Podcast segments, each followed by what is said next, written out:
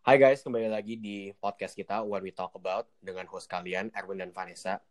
Hari ini kita ngebicarain topik yang lumayan lagi hangat karena beberapa tahun terakhir ini kita mulai melihat ada banyak startup yang non-tech, contohnya masuk ke fashion, ada juga yang masuk ke F&B, yang akhirnya mendapatkan pendanaan atau funding dari venture capital.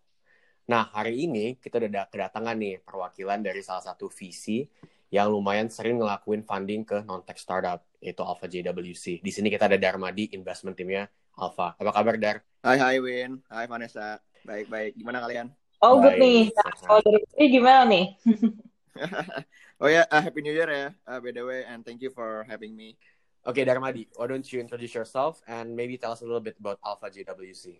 Hi, Erwin, Vanessa. My name is Darmadi, part of the investment team at Alpha JWC.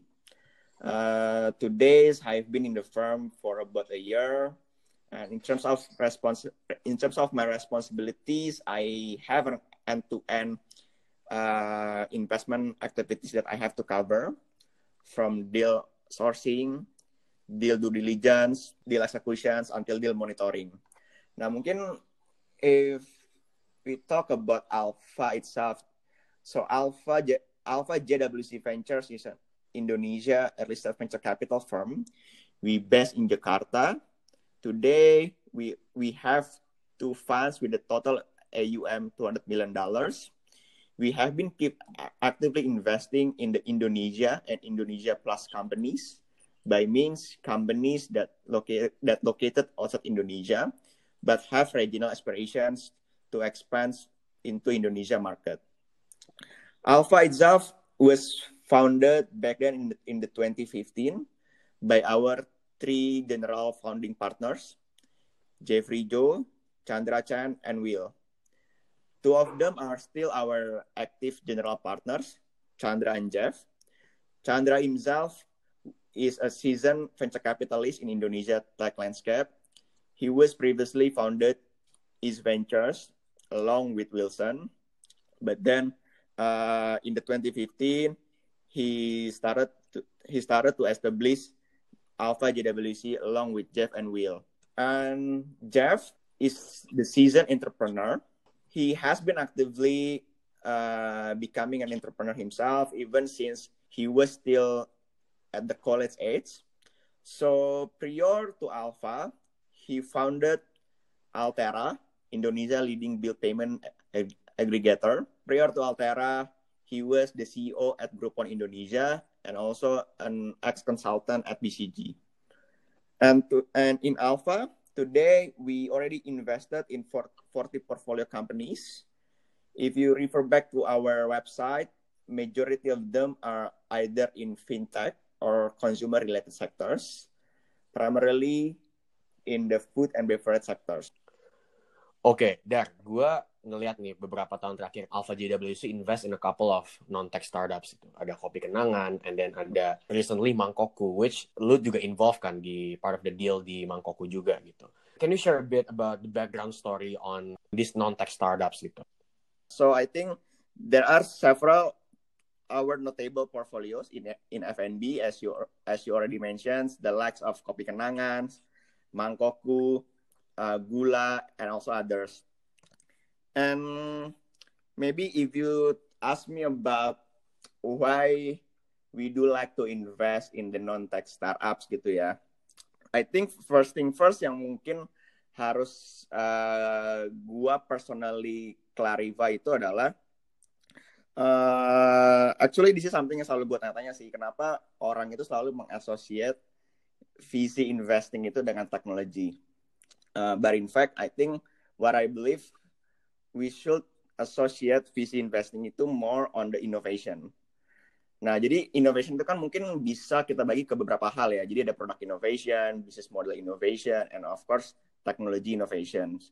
Nah, uh, in Alpha kita itu selalu melihat uh, our investment itu in all those three three criteria gitu ya. Jadi uh, on the product side-nya itu seperti apa? Apakah ada uh, mungkin saya bilang kalau kita ngomongin oke okay, mungkin mungkin give me mungkin I will let give you some illustrations ya mungkin dengan FNB gitu.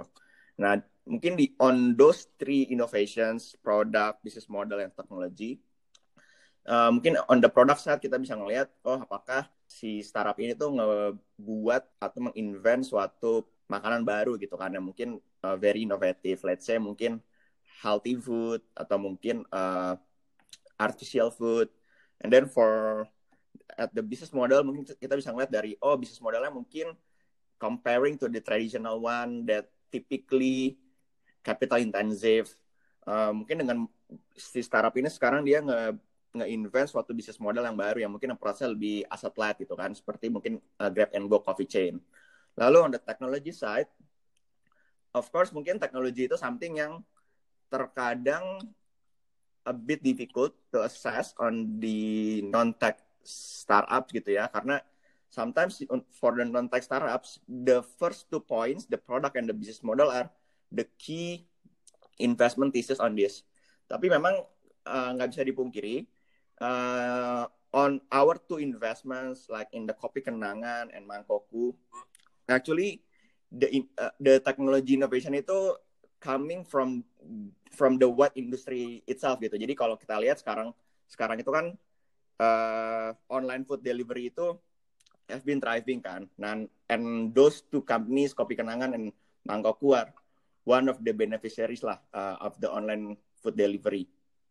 Oke okay, Dharma, so is it because of COVID ya that the appetite of VC going to more non-tech startup increasing? Apalagi kita kemarin baru ngeliat nih uh, bahwa Alpha itu baru suntik sekitar around like 2 million US dollar ke startup Mangkokku gitu.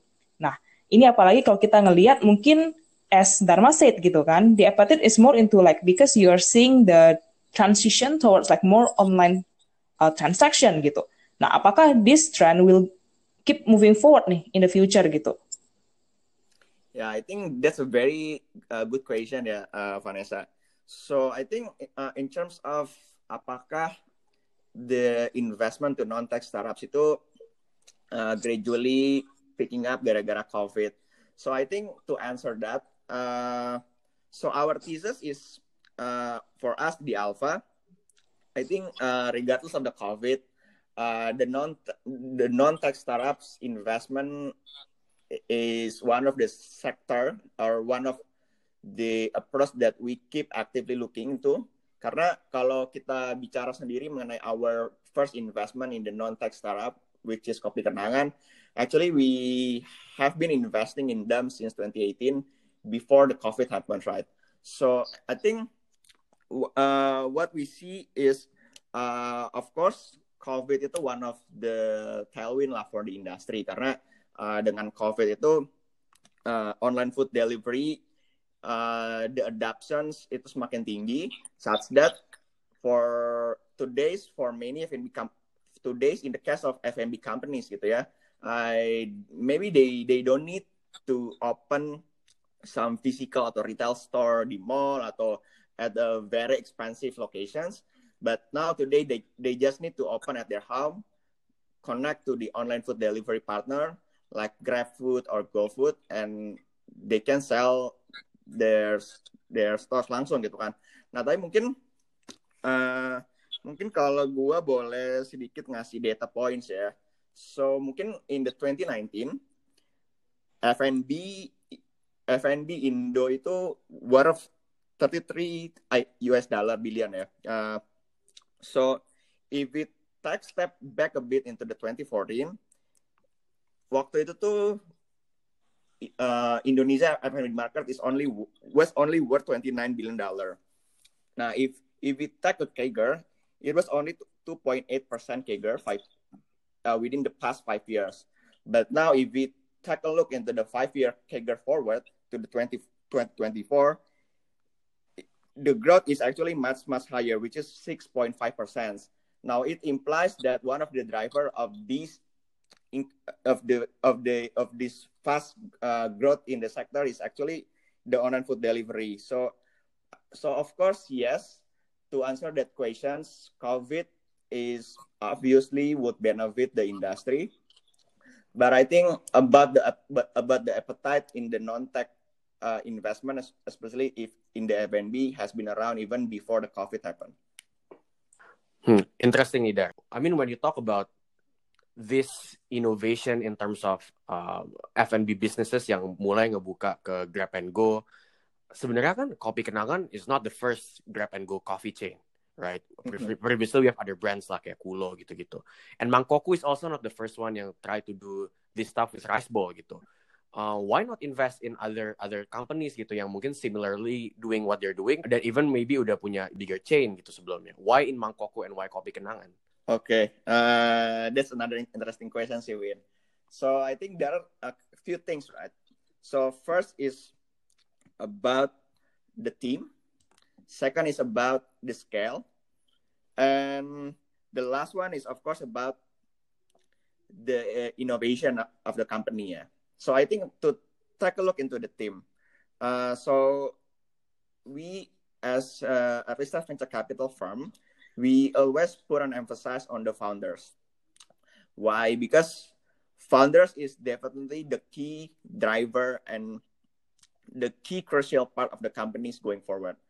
And in the VC investing, we always we and and especially in us in Alpha, we always prefer to invest in the early stage venture capital firm. Uh, sorry, in the early stage early stage startups company meaning companies yang mungkin masih umurnya baru uh, setahun, dua tahun, dan juga in terms of scale, mereka juga of course bukan yang yang udah punya 100 chain, 200 chains kan, karena uh, the business of us kan, of course kita invest, and at the end of the day, uh, we we want to make return uh, out of our investment kan.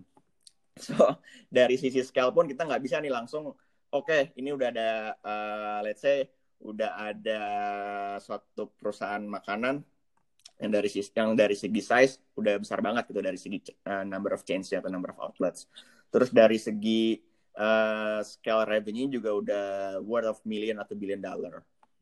Of course, uh, kita lebih prefer ke sisi yang lebih uh, masih early stage gitu ya dari segi operations. Nah, terus yang ketiga itu kalau dari segi innovations yang diberikan, And it yes, you are right.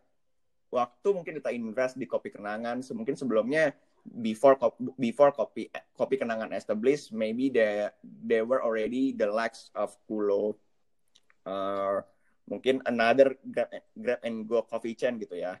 Nah, cuma mungkin kalau yang kita lihat, uh, what the kopi kenangan introduced to us is not only the grab and go concept, but also the kopi aren latte ya, yang which is the milk tea pakai kopi aren. Dan turns out today is I think one of the most popular uh, coffee ya among the Indonesian societies gitu. Uh, mungkin uh, kayak Erwin, Vanessa juga minum gak tuh kopi latte, kopi aren latte gitu? Wah, gue langganan dari kalau kopi kenangan. Iya. yeah, I think I think back at the time Kopi Kenangan was the first player ya yang introduce uh, that kind of flavor and and also with the very reasonable prices. So I think back at the time the thesis was of course good team.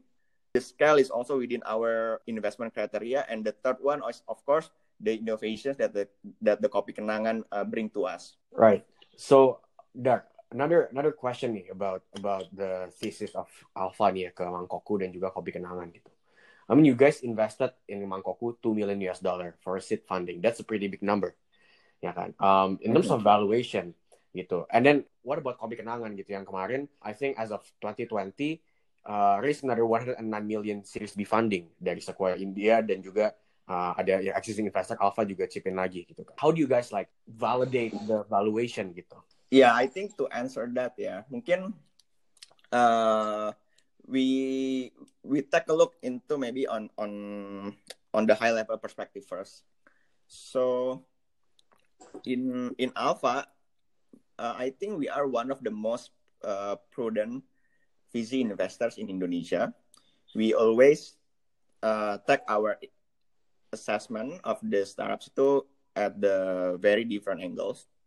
So not only from the future of the company, what would be the, like the, the next story-nya, terus potensial growth bakal seperti apa. Tapi at the same time kita juga pasti bakal mengakses dari dari sisi uh, fundamental of the business today gitu. Jadi of course mungkin uh, in general if we talk about uh, in the case of FNB kali ya since uh, I think as you mentioned we we invest kan mostly in the uh, in the FNB for the non tech startups gitu. Jadi mungkin kalau di FNB itu mungkin ada beberapa key metrics yang udah pasti bakal kita evaluate kan. Of course satu adalah number of outlets. Dua itu revenue per outlets. Nah, dari situ kita itu ter, uh, bisa ngelihat nih kira-kira uh, berapa sih potens uh, potensial scale yang bisa di generate for for each outlet of the uh, of the companies. Mungkin dari situ sebenarnya ada ada beberapa variables juga lah yang bisa kita lihat. Jadi selain tadi selain number of outlets, revenue per outlets, kita juga pasti bakal take a look into more on the gross margin since F&B business is very, uh, I think, uh, very deep, uh, very influenced by the gross margin itself. Especially today's itu kan dengan adanya online food delivery itu gross margin of the F&B business itu juga quietly impacted gitu kan karena by partnering with the online food delivery, it's yes they provide us with more extended distribution channel but at the, but at the same time we we also have to sacrifice some part of the our gross margin for their commission gitu. Nah, selain itu there there will be another uh, factors juga. Mungkin I think the the fourth important factor would be the capex in the capex itself gitu. Karena uh, of course lah mungkin kalau companies F&B companies yang pure online mungkin kalau kita bicara dengan capex itu kan mungkin hanya equipmentnya ya mungkin hanya kayak uh, dapurnya dapurnya gitu kan kitchennya hmm. tapi yeah. sebenarnya kalau kita ngomonginnya yang hybrid atau semi hybrid lah ya yang ada on cloud kitchen model atau mungkin modelnya juga ada retail modelnya itu of course kita juga pasti harus pertimbangin tuh uh, berapa sih capex yang mereka spend for establishing one outlet. Nah dari situ dari four four key factors itu kita mungkin bisa derive uh, unit economics dan juga uh, seberapa atraktif sih bisnis of the company gitu at the outlet basis. Oke Dharma, nah ini apakah kalau misalnya kita ngelihat dari your explanation gitu terkait yeah. dengan non startup itu kan akhirnya going to the, their innovation terkait dengan membuka cabang baru, produk baru cloud kitchen, central kitchen atau fasilitas kayak riset gitu, which is mungkin lebih um, related to the F&B business gitu ya. Hmm. Ada nggak tech startup lainnya gitu yang actually catch your eyes gitu kan as a as a VC, and then um, mungkin lebih ke arah funding juga ya? Apakah lebih ke arah equity atau seperti apa? Oke, jadi memang selain F&B sebenarnya ada ada beberapa sektor yang cukup atraktif ya pastinya. Contohnya mungkin D2C brand company. Nah, mungkin kalau kayak kita bicara D2C brand company itu kan juga sebenarnya uh, sebenarnya the, the tech side-nya itu juga mungkin nggak terlalu obvious, same like F&B companies.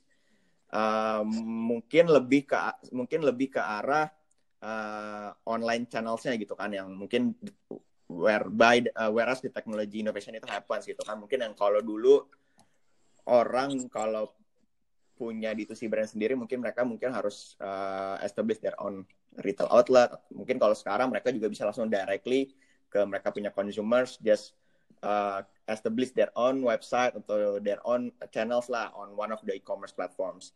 Nah jadi sebenarnya kalau kita bicara mengenai sektor sebenarnya ada banyak ya selain F&B dan kita juga di Alpha kita keep actively looking into uh, many other sectors lah outside F&B for the non-tech investment.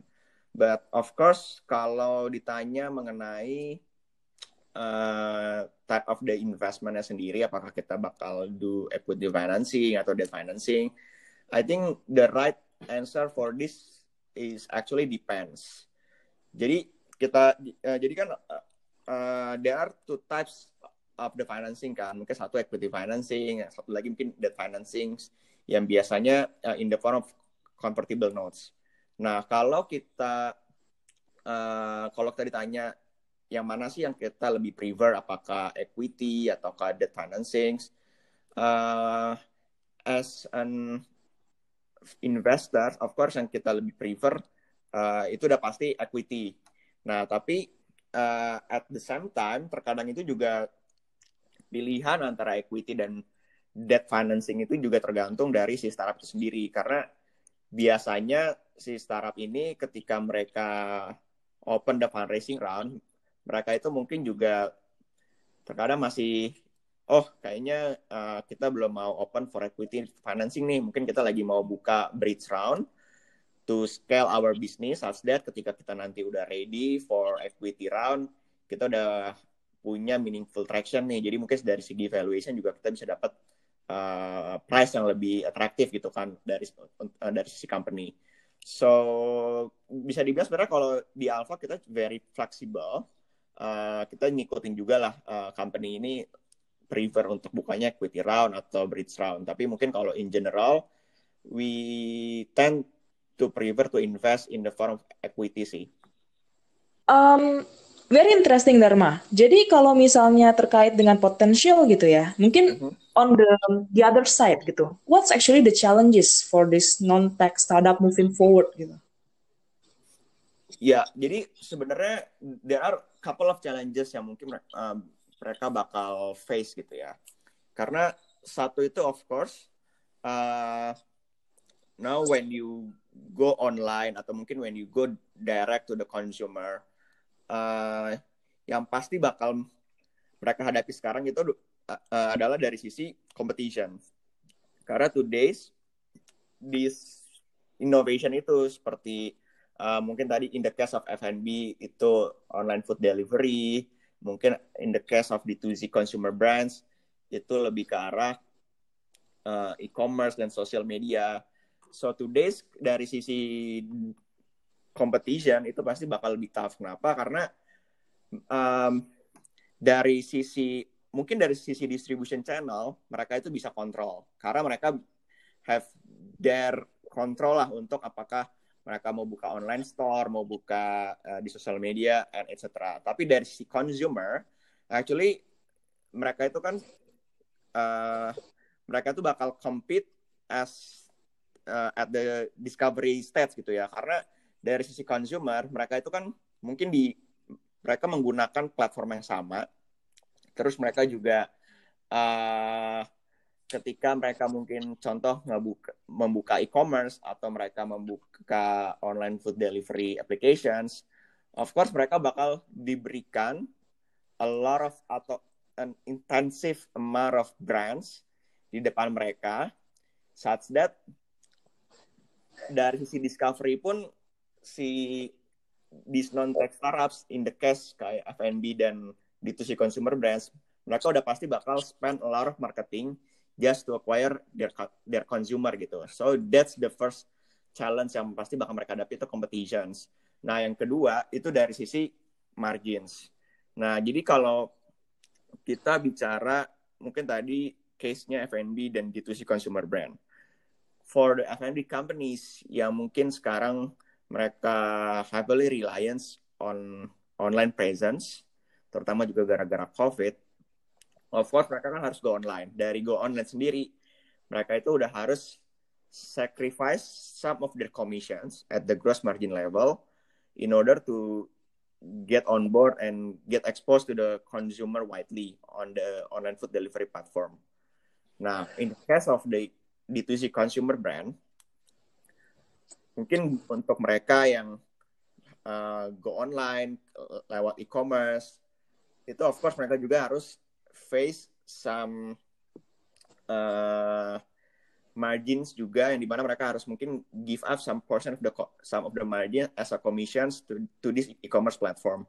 So jadi sebenarnya there are couple of couple of issues yang mungkin bakal di face for this non tech uh, startup gitu ya. Uh, mungkin ketika mereka sekarang dari segi ekosistemnya juga sebenarnya udah mendukung, tapi at another side juga mungkin dari segi competition dan margins itu mungkin something yang harus dipikirin juga gitu. Berarti more innovation ya, makanya sekarang juga lebih banyak mungkin inovasi-inovasi dari di non-tech startup itu mungkin lebih ke arah kayak is it like product, is it like partnership yang mungkin will attract more customer gitu ya, more business model more innovation in the future. True. Gitu ya Dharma? Betul, betul. Jadi memang kalau kita lihat uh, innovation ini kan juga sebenarnya kalau untuk di non tech startups yang kita lihat ini kan lebih banyak ke arah innovation ini secara industri gitu ya happening. Jadi uh, not necessarily the innov the technology innovation ini only happening in one company or two companies, tapi juga kan biasa lebih secara industry wide gitu.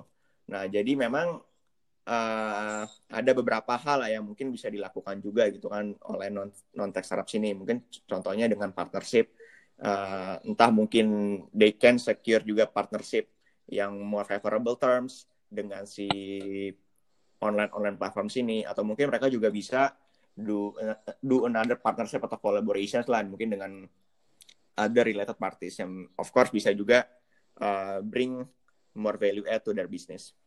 I see. Dar, just curious. So, what and where can this non-tech startups ini get funded by the VCs? And oh, or maybe like how do you guys discover them in the first place? Oke, okay, jadi kalau kita bicara gimana sih kita bisa uh, ketemu dengan mereka gitu kan uh, in the first place. So I think there are a lot of stories behind it ya. Jadi memang mungkin in general kita itu di di Alpha kita bisa bilang kita nggak cuma just wait for the inbound, waiting for the companies coming to us, pitch their business, pitch their product, pitch their innovations. But but at the same time kita juga very closely look into what's happening outside there gitu uh, in the market. Mungkin contohnya kayak seperti tahun di tahun 2018 gitu kan. Kita ngelihat oh coffee Grab and Go chain itu terus mulai thriving, mulai happening, uh, a lot of new players. Aside KK juga udah mulai uh, jalan dari uh, terus mendirikan their own chains gitu kan across the especially across the greater Jakarta. Nah tapi at the same time kita juga ngelihat uh, not only about the potential tapi juga kita ngelihat uh, oh kayaknya dari secara bisnis model pun di luar sana udah ada nih another proven modelnya gitu kan. Contohnya mungkin kalau case-nya Grab and Go Coffee Chain itu mungkin udah ada uh, Lakin. Lakin Coffee gitu yeah. di China.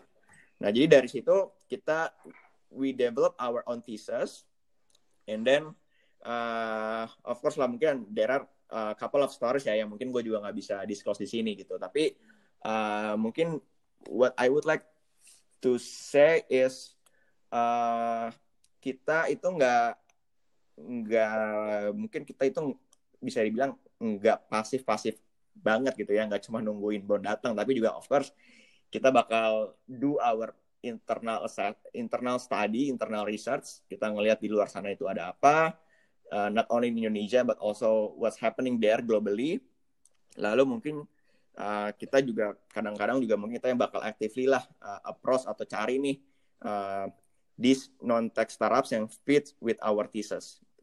Okay, so lastly, if I'm an ambitious brand owner, uh, either I make uh, coffee atau I make rice bowl atau maybe even I make my own fashion brand gitu, and I want to grow this rapidly and I'm looking for VC funding, what should they do to get funded by you guys? Of course, uh, first, uh, run your business first. I mean, uh, get some meaningful traction, say like uh, two or three months, since it will be the first indicator for us to validate whether your business or your product has the product market fit. And the second of all is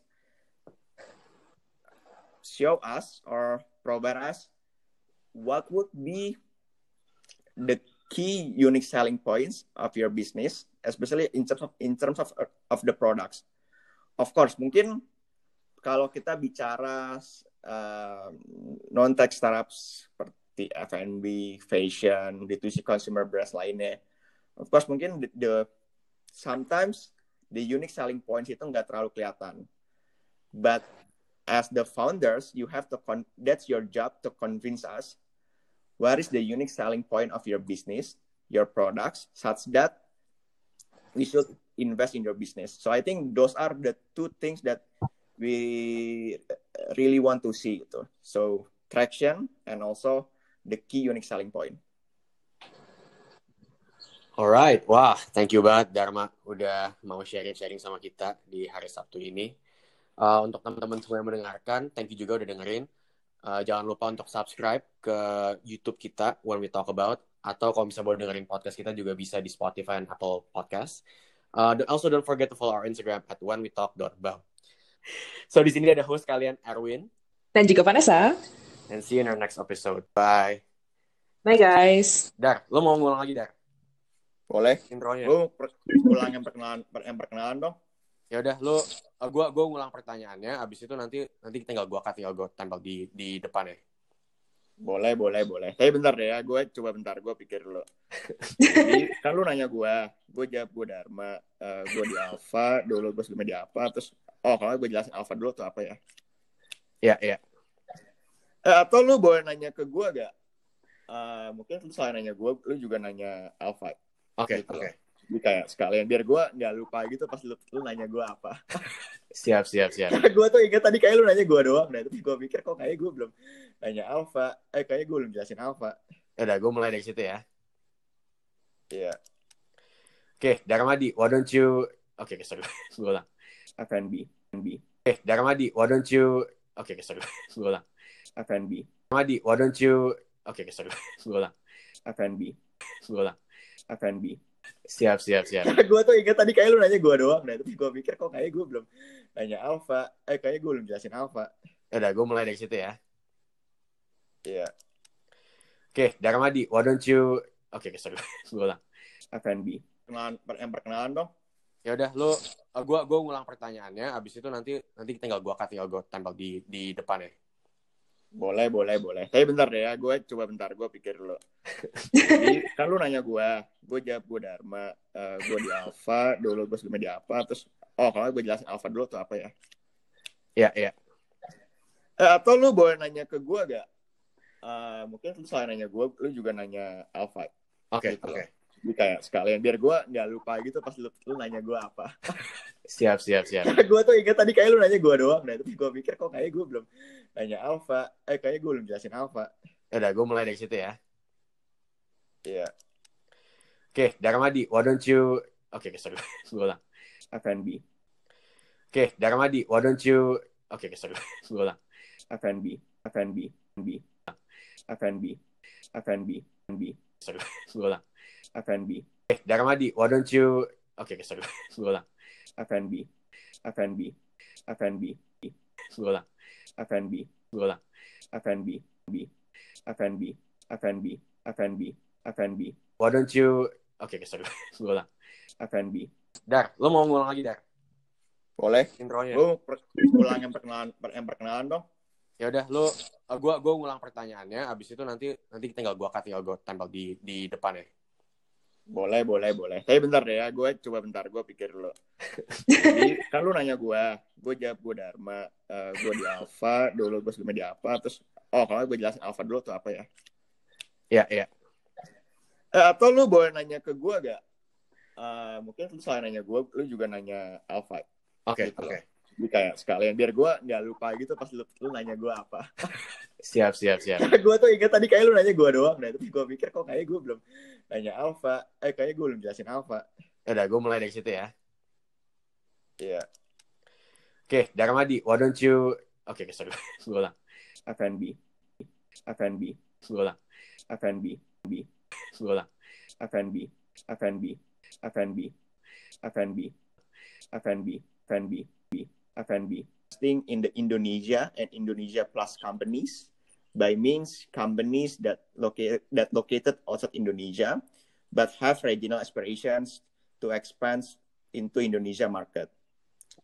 Alpha itself was founded back then in the, in the 2015 by our three general founding partners, Jeffrey Joe, Chandra Chan, and Will. Two of them are still our active general partners, Chandra and Jeff. Chandra himself is a seasoned venture capitalist in Indonesia tech landscape. He was previously founded his Ventures along with Wilson, but then uh, in the 2015 he started to, he started to establish Alpha JWC along with Jeff and Will. And Jeff is the seasoned entrepreneur. He has been actively uh, becoming an entrepreneur himself, even since he was still at the college age. So prior to Alpha, he founded Altera, Indonesia leading bill payment ag- aggregator. Prior to Altera, he was the CEO at Groupon Indonesia and also an ex-consultant at BCG. And to, and in Alpha, today we already invested in 40 portfolio companies. If you refer back to our website, majority of them are either in fintech or consumer related sectors, primarily in the food and beverage sectors, F&B, and beverage sectors, F&B, F&B.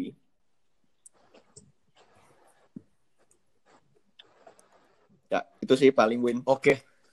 Oke, kalau gitu Dar. Nanti gue Terus kayaknya tadi gue ada sempat jelasin alpha lagi kan pas gue masuk ke Mangkok. Jadi mungkin itu bisa dikat nanti lagi tinggal sih. gua- Oke, kalau gitu, man. Thank you. Oke. Sip. Thank you ya. Right, thank you Darmadi. Thank you Vanessa, thank you Erwin. Iya, to kita ngobrol-ngobrol lagi. Thank you. Ya. Bye. Thank you. Ya. Bye. Bye. Bye. Bye. Bye. Bye. Bye. Bye. Thank you. Ya. Bye. Thank you. Ya. Bye. Bye. Ya, itu sih paling win. Oke. Oke, kalau gitu Dar. Nanti gue Terus kayaknya tadi gue ada sempat jelasin alpha lagi kan pas gue masuk ke Mangkok. Jadi mungkin itu bisa dikat nanti lagi tinggal sih. gua- Oke, kalau gitu, man. Thank you. Oke. Sip. Thank you ya. Right, thank you Darmadi. Thank you Vanessa, thank you Erwin. Iya, kita ngobrol-ngobrol lagi. Thank you. Ya. Bye.